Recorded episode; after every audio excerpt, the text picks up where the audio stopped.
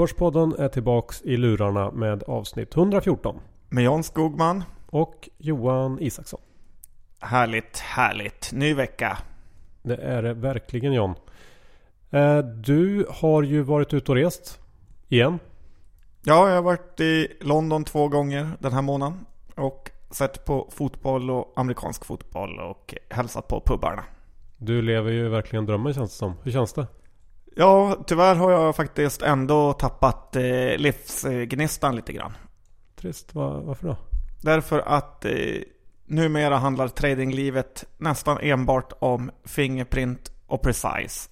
Och de som är duktiga på att handla det har blivit fruktansvärt rika.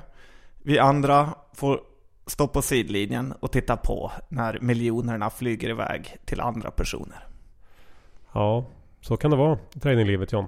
Men vi ska inte bli alltför ledsna för det och vi kommer att prata mer om biometribolagen senare idag. Nu innan vi kör igång ska vi först presentera vår sponsor DeGiro. Ja Johan, det är ju så att DeGiro har uppnått 80 000 kunder och det är ju fantastiskt. Och allt pekar på att med Börspoddens hjälp så kommer de nå 100 000 kunder innan årsskiftet. Över 6 miljoner transaktioner har gjorts via DeGiro i år och eh, det har ju sparat kunderna uppemot 50 miljoner euro. Fantastiskt John. Ja, så se till att följa med på DeGiro Börspodden-tåget så att de når 100 000 kunder och eh, signa upp er. Precis, giro.se. Tack för det. Sen Johan har vi faktiskt eh, en återkommande kund som man brukar säga. De fantastiska Tessin som har gjort det möjligt att investera i fastigheter via crowdfunding. Vi eh, hade ju några avsnitt med Tessin i somras och nu är de tillbaka som sponsorer. Och ja, precis som förra gången så har vi snackat med gänget bakom Tessin. Eh, den här gången börjar vi med att höra hur det har gått sen sist. Lyssna här. Det har hänt ganska mycket. Ehm, vi slog eh, Nordisk crowdfunding-rekord i somras med ett av våra projekt, eh, Boform, eh, som leds av Gösta Karlberg känd aktiesparprofil. Ehm, där vi fyllde upp deras projekt på 10 miljoner på 13 timmar. Vilket var fantastiskt kul. Sen har vi avslutat ett projekt där man kunde investera i byggnation av ett lekland uppe i Sundsvall. Och nu har vi ett, ett projekt uppe här som är aktivt och det är ganska likt Boform-caset. Så där får man gå in och kika på plattformen. Riktigt skoj att det rullar på så bra för Tessinion. Ja, verkligen. Jag har faktiskt haft eh, flera kompisar med som har sagt hur eh, kul det har varit att få investera i det här. Så grattis Tessin och ni som är med. Ja, och gå in på tessin.se för att eh, få reda på mer information och signa upp er. Nu John är det dags för avsnittet ganska snart. Men först bara en notis om nästa veckas bokklubb. Ja, vi rullar in i november och vem har vi som gäst då? till novembers bokklubb om inte Avanza-mannen som kommer välja ut den boken han tycker har inspirerat honom mest för sitt tradingliv. Och jag tror det kommer vara fantastisk läsning. Så signa upp er på hemsidan börspodden.se så får ni se vad han gillar. Yes, nu rullar vi.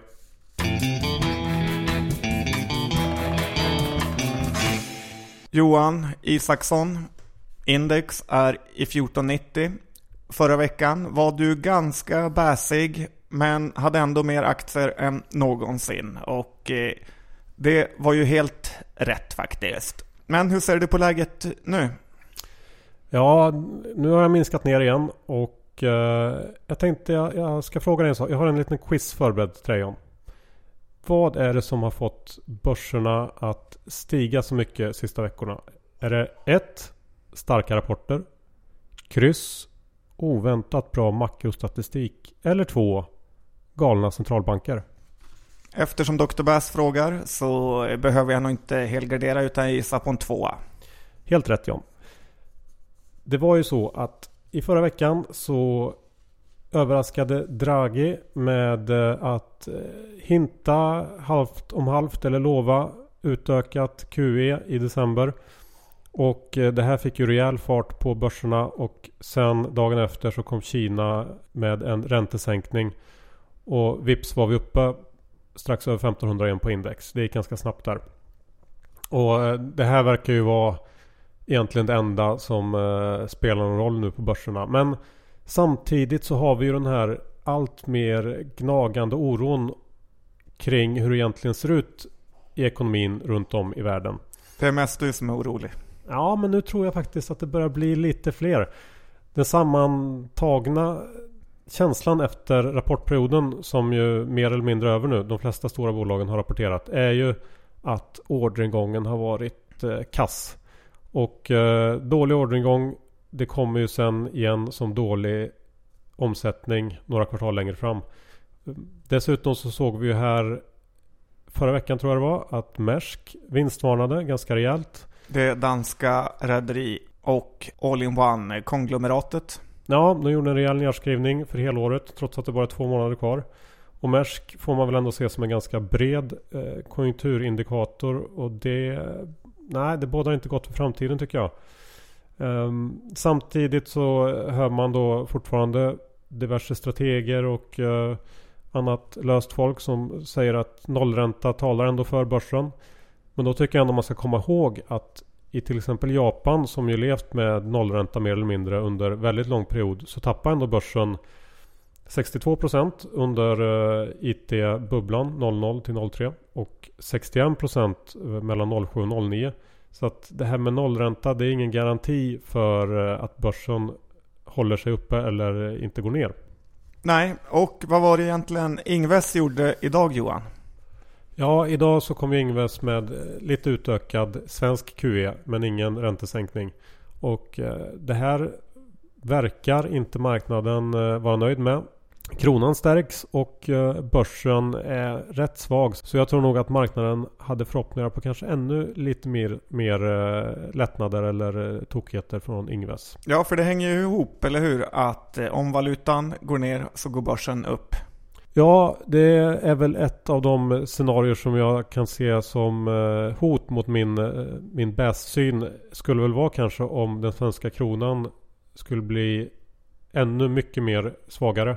Till exempel om dollarn skulle handla kring 10, 11, 12 spänn. Så skulle det ge enorm boost till många av våra expert, exportbolag. Och ja, där ser väl jag kanske att eh, det skulle kunna finnas eh, bränsle till börsuppgång. Men som det ser ut nu så verkar det ju inte riktigt peka åt det hållet. Och sen Johan kom ju världens absolut största bolag Äpplet med rapport. Och den var väl ändå okej? Okay. Ja, det får man väl säga. Fundamentalanalysbloggens lilla älskling levererade väl ett eh, snyggt kvartal tycker jag. Och aktien handlades upp någon procent i efterhanden tyckte jag mig se. Eh, jag har inte så mycket att säga om Apple egentligen men det skrivs ju som vanligt spaltmeter på Twitter om eh, hur stor kassan är och hur många fotbollslag eller eh, Volvo eller H&M man kan köpa för kassan. Men det man inte skriver så mycket om är väl att Apple har ju faktiskt en skuldsättning också. Så tittar man på nettokassan så har den faktiskt inte ökat någonting eh, de sista åren. Det kan man ju faktiskt ta och ta en titt på också om man ska slänga sig med de här kassabegreppen. Nej, det är rätt Johan. Man ska inte jämföra äpplen och päron.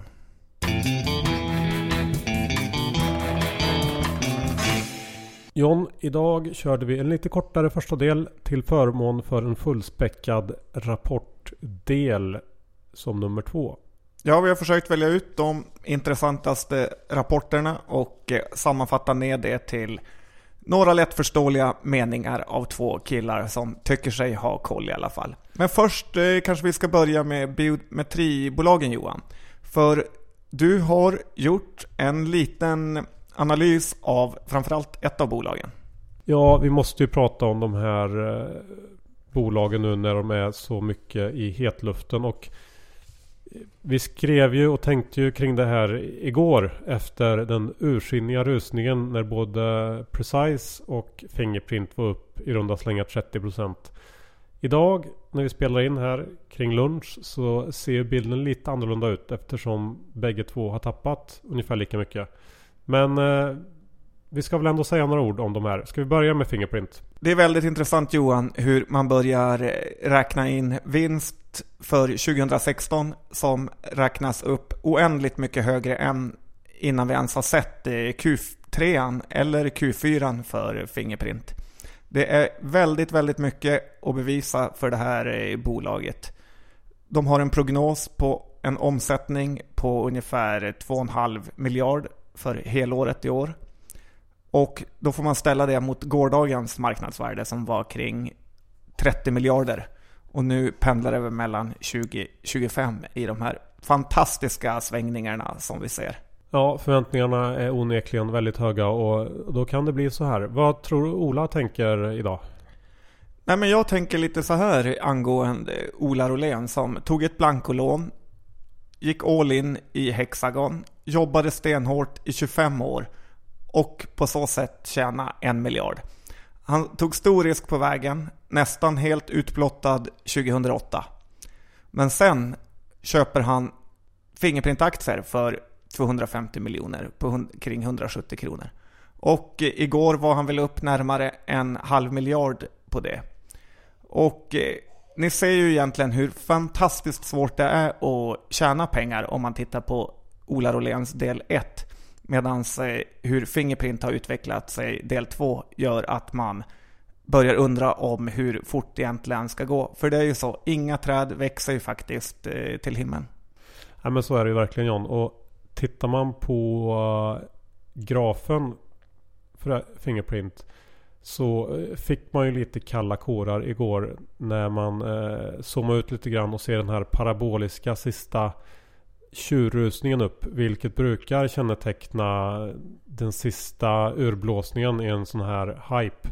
När, vi prat, när jag pratade med dig igår kväll John så pratade vi om att vi kanske skulle säga att eh, vi nog har sett toppen i Fingerprint. Det känns ju inte riktigt lika eh, kul att säga det idag men kan det vara så att det var toppen vi såg här igår? Ja, det är mycket möjligt. Vi kommer att prata om Microsofts eh, rapport eh, senare. Och då får man tänka att i fredags så var första gången Microsoft gick över sin topp från 2000. Så även om ett bolag lyckas fantastiskt bra så kan det vara svårt att eh, aktiekursen ska följa med när den har haft sådana här fantastiska uppgångsserier som vi har sett. Och en sak som gör mig lite ledsen Johan, det är när man läser på forumen hur småspararna är fantastiskt glada över den här uppgången. Men inte ens på en kurs som 500 som de har drömt om i evigheter har de en tanke på att sälja.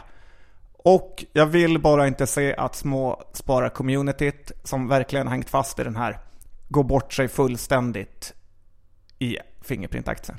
Och dessutom är det ju så Johan att eh, minsta lilla spricka i Fingerprint eh, håsbygget skulle kunna få kursen att eh, kollapsa neråt. Det kan vara helt oväntade saker.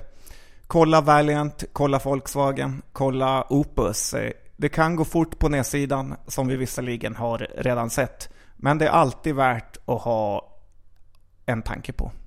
Ja, och eh, Börspodden hade ju köp på Fingerprint när det stod i 220 ungefär. För eh, en dryg månad sedan kanske. Ja, och det var ju en fantastisk eh, call. Det var det. Den callen är numera avslutad. Vi har inte längre köp på Fingerprint. Nej, på de här nivåerna och som den svänger nu kan vi inte ha kvar någon köprekommendation. Vi får väl se vad vi blir kallade för det. Om man tänker på Per Lindberg som på chattarna kallas för Stolle-Per. Eller Peter Benson i Svenska Dagbladet som kallas för Peter Bensin. Så ja, det är farligt att inte gilla Fingerprint. Ja, och ska vi titta på kollegan då, Precise. Som ju är eh, betydligt mindre men som ändå hade ett börsvärde på cirka 3 miljarder vid stängning igår. Det är ganska saftigt. Det är det. Precise främsta tillgång är ju deras algoritm som de säljer till Fingerprint och några andra kunder. Men Fingerprint är ju den överlägset viktigaste kunden. Eh, aktien har ju gått som en raket och är det verkligen rimligt kan man ju fråga sig. Jag har tittat lite snabbt på Precise och har försökt bena ut eh, hur det här egentligen kan se ut. Fingerprint har själva sagt att eh, de betalar någonstans en halv till 2 procent av sensorpriset till Precise. Och om jag då använder mig av Carnegies och ABGs estimat gällande Fingerprint nästa år för att försöka bena ut hur mycket Precise skulle kunna tjäna på Fingerprint nästa år. Så får jag följande. Ett snittpris på sensorn på 2,65 dollar om man tar Carnegies och ABGs estimat och kör ett medelvärde. Vi kör, eh, lägger oss någonstans i mitten av det här intervallet av sensorpriset på en halv till 2%. Då får man 1,25%. Det här ger 28 öre per sensor till Precise. Och volymen då? Jo, ABG räknar med 121 miljoner sensorer nästa år och Carnegie med 227. En ganska brett spann. Vi lägger oss mitt emellan på 174. Det här ger 48,7 miljoner intäkter till Precise nästa år. Baserat på Fingerprint då. De har ju andra kunder också. Men eh, vi har ju också sett nu på slutet hur Fingerprint har valt andra leverantörer av algoritmer. Så att eh, vi kan väl helt enkelt säga att de två tar ut varandra. De har några andra verksamhetsområden också som Taktivo. Men det skulle jag säga är mer eller mindre värdelöst så jag räknar jag till noll. Bruttomarginalen på det här sätter jag snällt till 100%. De har ju kostnader men vi säger 100 för att göra det enklare. Förra året så låg de på ungefär 60 miljoner i rörelsekostnader. Takten per första halvåret i år är ungefär densamma som förra året. De har sänkt kostnaden med någon miljon. Men om vi antar ungefär 60 miljoner i år också så hamnar man fort, eller nästa år också, så hamnar man fortfarande på ett minusresultat trots då en fantastisk framgång. Eh, bara det här enkla räkneexemplet för mig gör ju att det är helt ofattbart att man kan värdera det här bolaget i miljardbelopp. Vad tycker du? Ja, min enda oro med din analys är att du utgår från Stolle Pers eh, siffror.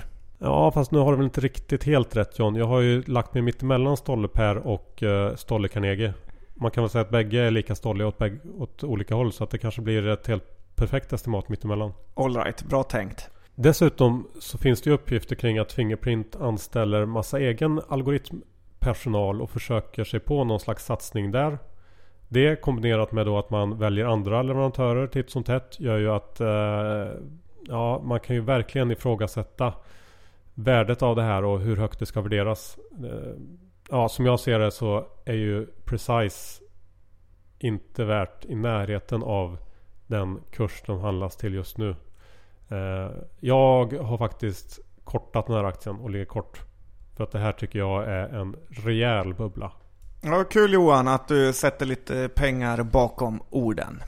Ska vi lämna biometriträsket och gå över till lite rapportkommentarer John? Ja, men det är ju ganska kul i dessa tider. Först ut är? Wise. Jag gjorde faktiskt en ganska lång utläggning för något avsnitt eh, sen där jag påpekade om att alla snackar om SER men att Wise egentligen har mer potential. Eh, då stod den i 34 Tyvärr klippte vi bort det för att eh, det kändes... Tyvärr klippte vi bort det då jag hade ett eh, innehav i det så det kändes lite konstigt. Sen kom Börsveckan och rekade upp den till 40 kronor. Jag har sålt alla mina aktier där för man måste komma ihåg att eh, kvartal 3 för en rekryterare med semester och så vidare ofta är väldigt eh, svag. Där ser man. Så att eh, lite varning inför Wise Q3 alltså. Köp, Jajamän. köp på svaghet kanske? Kanske. Kanske, kanske.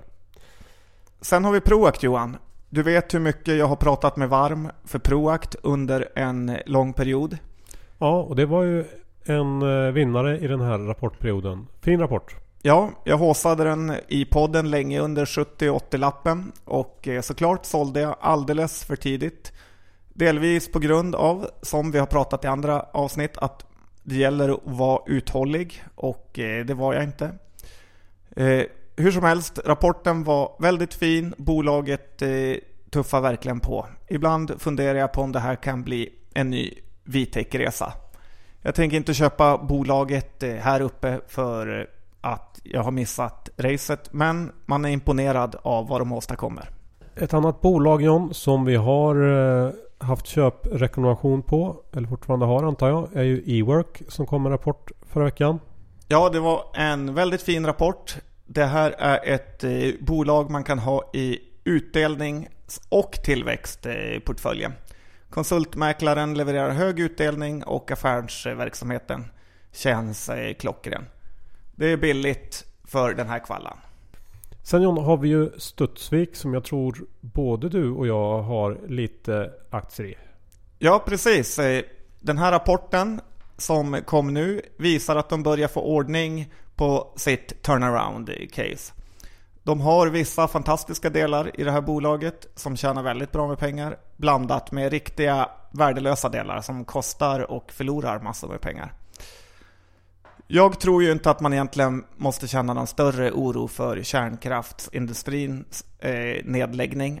Och eh, det behöver heller inte vara dåligt. P10 år och eh, visst lite skuldsättning. Men det här finns verkligen en chans om de lyckas styra upp bolaget.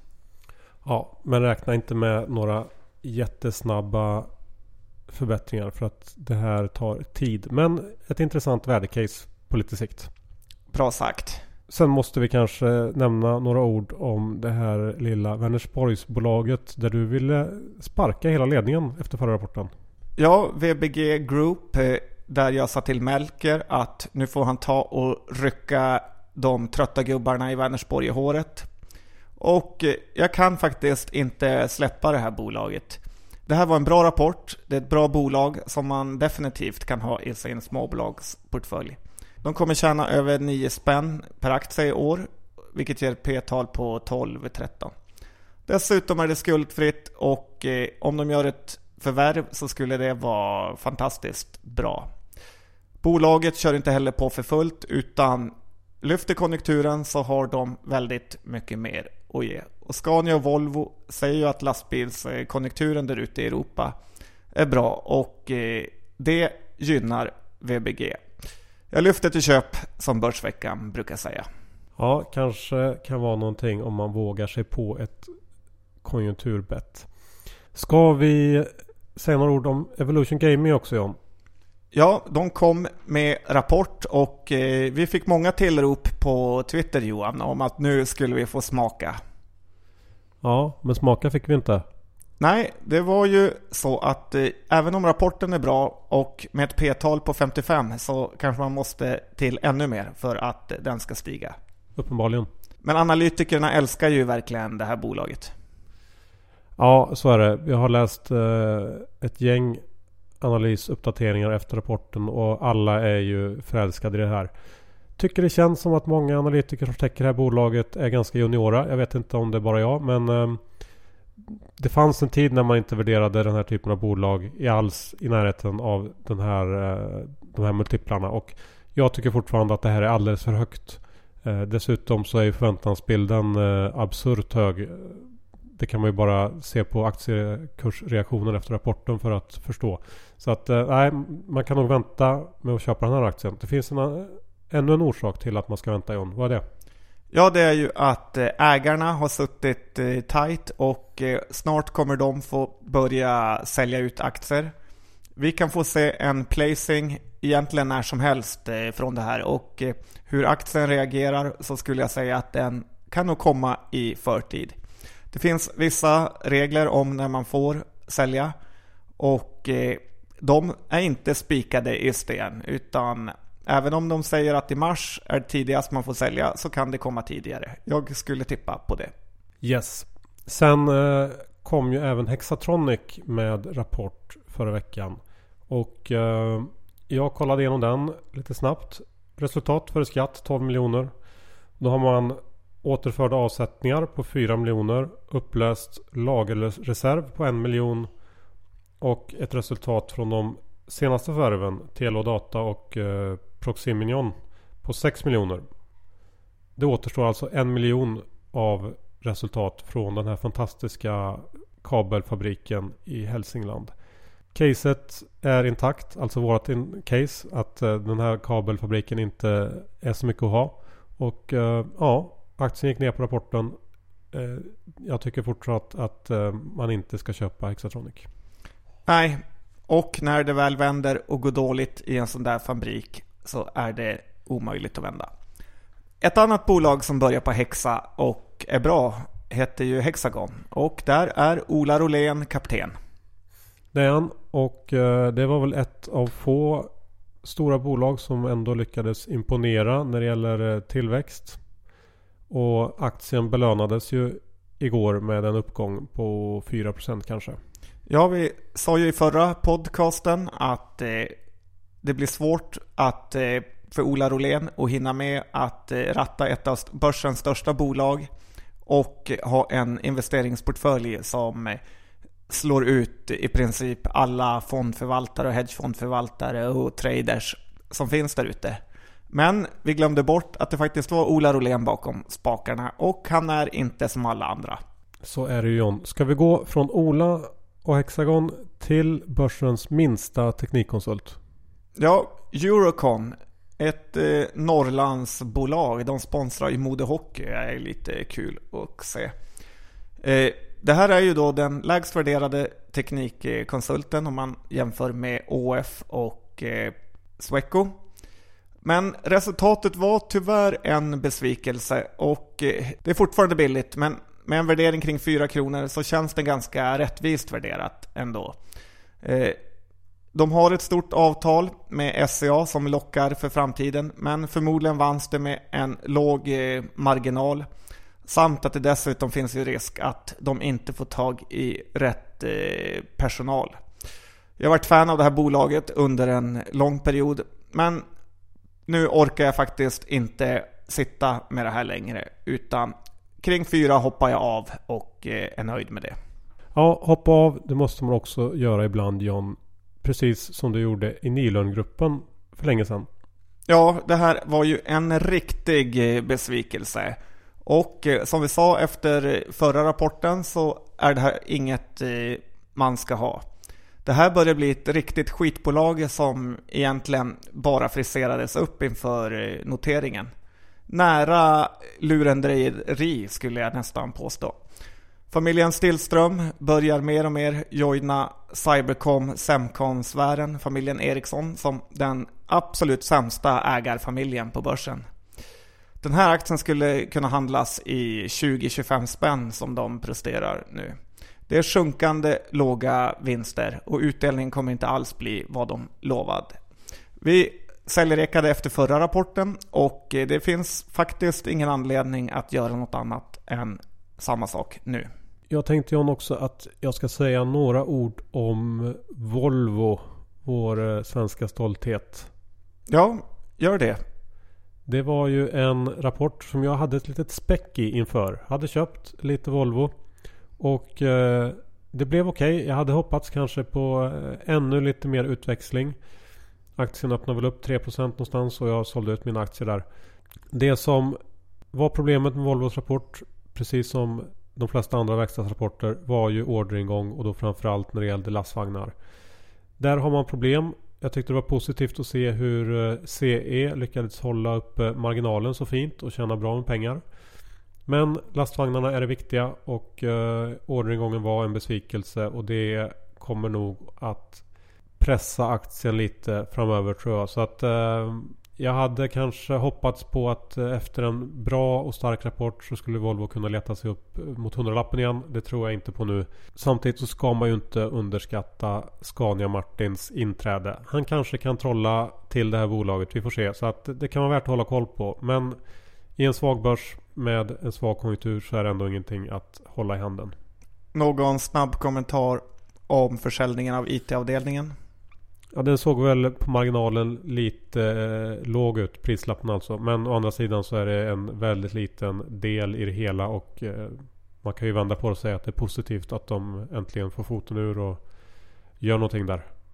Alright. Ett annat bilföretag som heter Autoliv fick ju en kanonrapport och som vanligt lyckades du tjäna en hacka. Lite känner jag på den. Men det var ännu en sån här rapport som var svårbedömd tycker jag. Som de flesta rapporter har varit den här perioden. Det har inte varit tokköp eller toksälj utan man har kunnat väga och det ena och det andra lite grann. Och i Autolivs fall så presterar man ju bra och dessutom höjer upp guidance lite grann inför Q4. Så att eh, det var väl välförtjänt att den eh, skuttade upp eh, 4-5% på rapporten. Samtidigt ska man ju komma ihåg att de verkar i en extremt konjunkturkänslig bransch. Och även om aktiv säkerhet växer på så tycker jag nog att ja, man ska vara hyfsat försiktig med Autoliv över tusenlappen. Ja, precis. Tusen spänn jämt så kan man vara nöjd. Ska vi avsluta de svenska rapporterna med Dedicare? Ja, jag hade en köprek för en tid sedan på Dedicare och eh, jag kanske får börja med att tacka Credit Suisse att de löste ur mig ur det här bolaget eh, två dagar innan rapporten. De har själva köpt ofantligt mycket aktier och eh, från när vi pratade om den på 42 så dagen innan rapport var den över 50-lappen. Jag, eh, som så många andra, vågar inte syna den här rapporten. Och tur var väl det, för den var riktigt tråkig. Eh, det finns egentligen ingen trigger i närtid förutom utdelningen ett eh, halvår bort. Så jag eh, skulle kanske hellre göra att man tittade lite på NGS som i min bok faktiskt är ett lite bättre bolag än Dedicare som har fallit också på Dedicares rapport. Så ett rapportspek eh, kan man kanske hitta på även om jag inte varit så lyckosam sista tiden med det. Nej det stämmer John. Du var ju lite inne på att Byggmax skulle kunna bli en riktig rökare. Ja, och eh, det var det. Fast motorn satt på taket istället för under så att den körde rakt ner i backen. Det var ju en tro på att eftersom Inwidos rapport så var det väl, verkligen högtryck i, inom den branschen. Eh, tyvärr Byggmax eh, riktigt, riktigt eh, tråkig. Och nu finns det ingen heller trigger i det här bolaget då vi har två vinterkvartal framför oss. Och aktien är ju relativt eh, dyr här på 70 kronor på P16 så att det finns ingen fyndköpkänsla heller. Vi får titta fram mot våren vad den kan göra då. Men som det är nu så är det bara att avstå. Yes sir. Om vi tar en snabb blick också på vad som har hänt i USA under rapportperioden så har du John valt ut ett axplock av de eh, mest intressanta bolagen. Låt ja, höra. jag har valt ut de stora bolagen som det är lite kul att kolla på.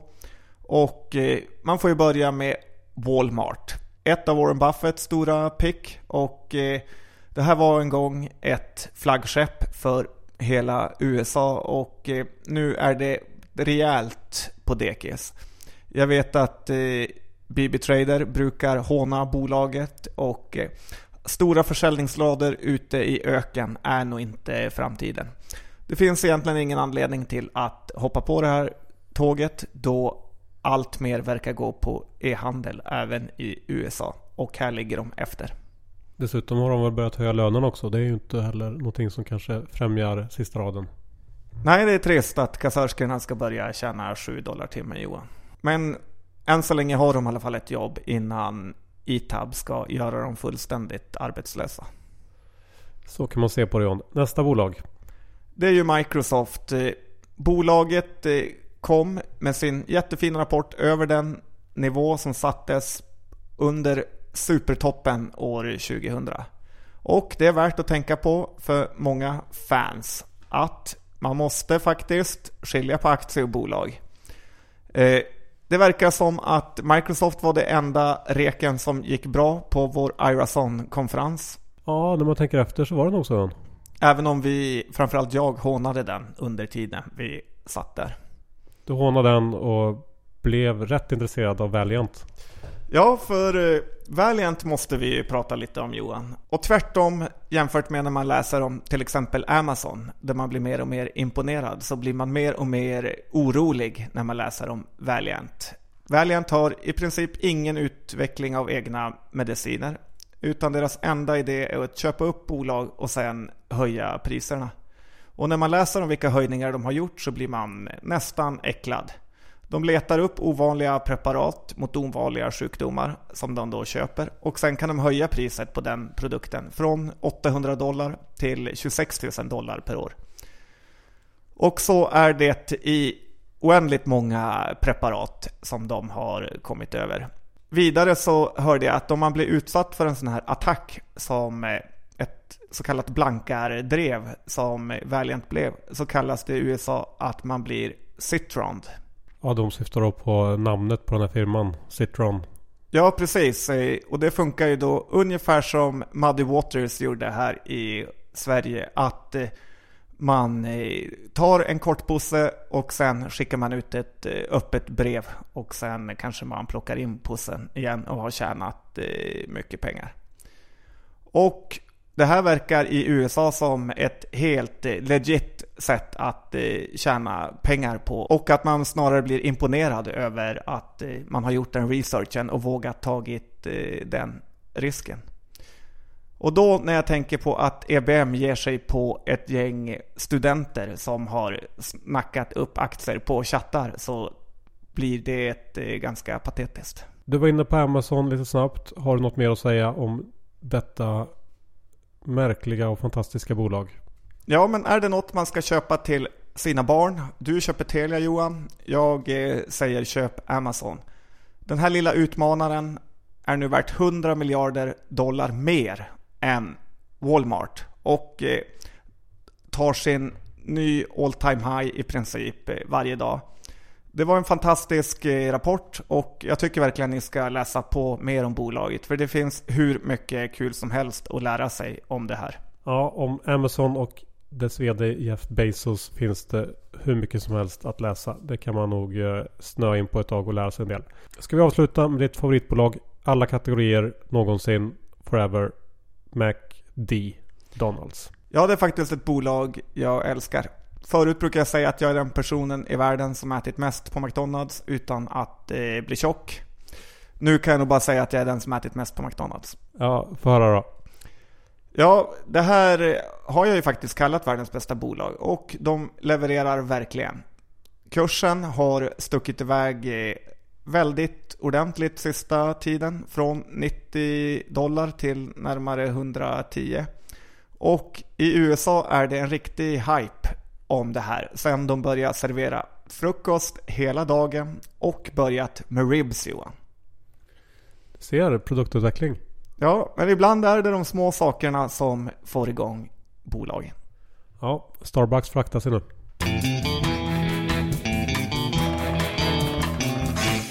Oj, oj, oj John. Det blev ett långt avsnitt den här veckan också. Ja, men det är mycket rapporter och det finns mycket att lära.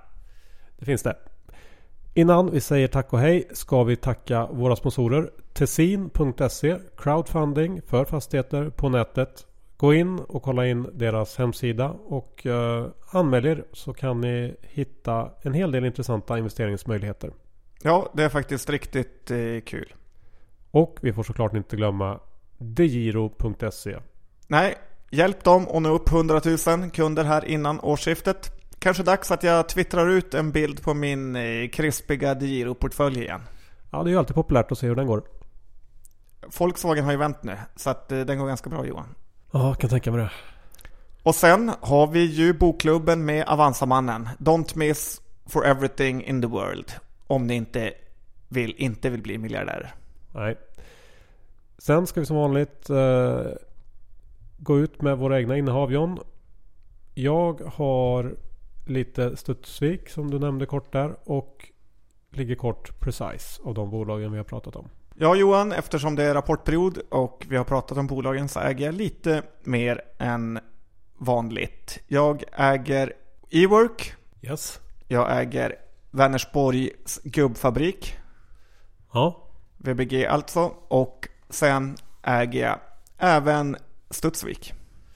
Där ser man. Härligt, då är den saken ur världen. Ja, jag har inte vågat följa eh, din del och korta bolag än.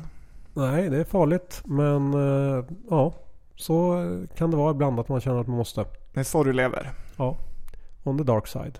Vi får väl tacka så hemskt mycket för att ni har lyssnat på oss ännu en vecka. Och vi dyker upp på Twitter, Facebook och Gmail om det är något ni vill. Ja. Och missa för guds skull inte veckans aktie som vi från och med nu kommer pimpa upp. Så är det. Tack så mycket och ha det fint så hörs vi. Tack och hej.